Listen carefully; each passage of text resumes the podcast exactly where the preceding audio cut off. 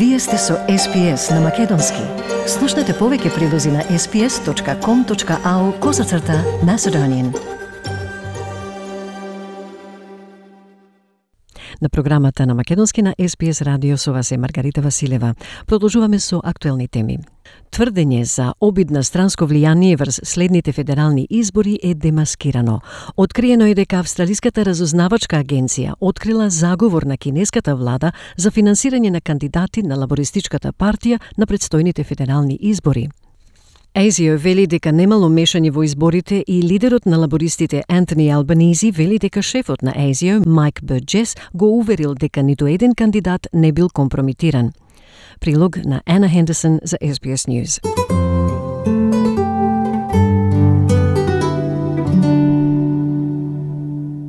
Политичките реклами ги откриваат стратегиите на кампањите и како што се ближат изборите, тие пораки почнуваат да се обликуваат. What do we actually know about Anthony Albanese? He's never held a financial portfolio, never held a national security portfolio, he's never delivered a budget. Цитат, што знаеме за Антони Албанези? Тој никогаш немал портфолио за финанси, никогаш немал портфолио за национална безбедност, никогаш не испорачал буџет. Затворен цитат. Оваа реклама на Либералната партија ги доведува во прашање ингеренциите на опозицијскиот лидер Антони Албанизи, ставајќи го во дефанзива. That national security is too important uh, to engage in in uh, game playing, however much the government needs a distraction. Цитат, националната безбедност е премногу важна за да се вклучи во игри, колку и да е потребно на владата да го одвлекува вниманието, затворен цитат изјави Антони Албанези. Во четвртокот, министерот за одбрана Питер Датан ги изложи своите безбедносни грижи во парламентот. Тој изјави дека сега се гледаат доказите дека кинеската влада донела одлука за тоа кого ќе поддржи на следните федерални избори. We now see uh, evidence, Mr. Speaker, that the Chinese Communist Party, the Chinese government, has also made a decision about who they're going to back in the next federal election, Mr. Speaker.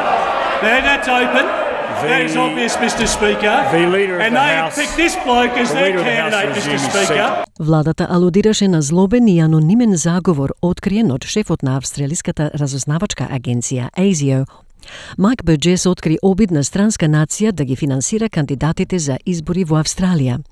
Тој рече може да потврди дека ASIO неодамна откри и прекина заговор за странско мешање пред избори во Австралија. I can confirm that ASIO recently detected and disrupted a foreign interference plot in the lead up to an election in Australia. Представници на разузнавањето, цитирани од медиумот Nine Newspapers, рекоа дека странската сила е Кина, а обидот за инфилтрирање беше насочен кон Нов Јужен Велс пред федералните избори.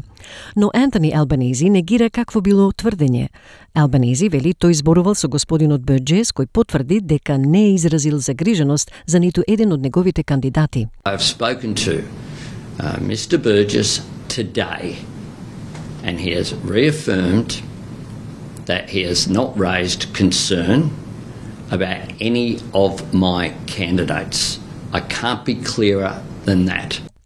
Шефот на ЕЗИО потврди дека трикот бил спречен, но тоа не го одврати министерот за одбрана да продолжи да ја доведува во прашање лојалноста на лабористите. I think that certainly from what I see, uh, both open source and, and other intelligence that I see, um, it's a statement of the obvious. And there are relationships going back to Sam Dastiari. Uh, Bob Carr obviously is very close still to uh, to Beijing. Немаше коментар за ова прашање од премиерот кој се уште се опоравува од изминатата недела. Тој има силно промовирано телевизиско интервју што допрва треба да се емитува по недела на протекување на владата и неуспешен предлог закон за верска слобода. SBS. SBS. SBS. SBS. SBS. SBS Radio. Сакате ли да чуете повеќе прилози како овој? Слушате подкаст преку Apple Podcasts, Google Podcasts, Spotify или од каде и да ги добивате вашите подкасти.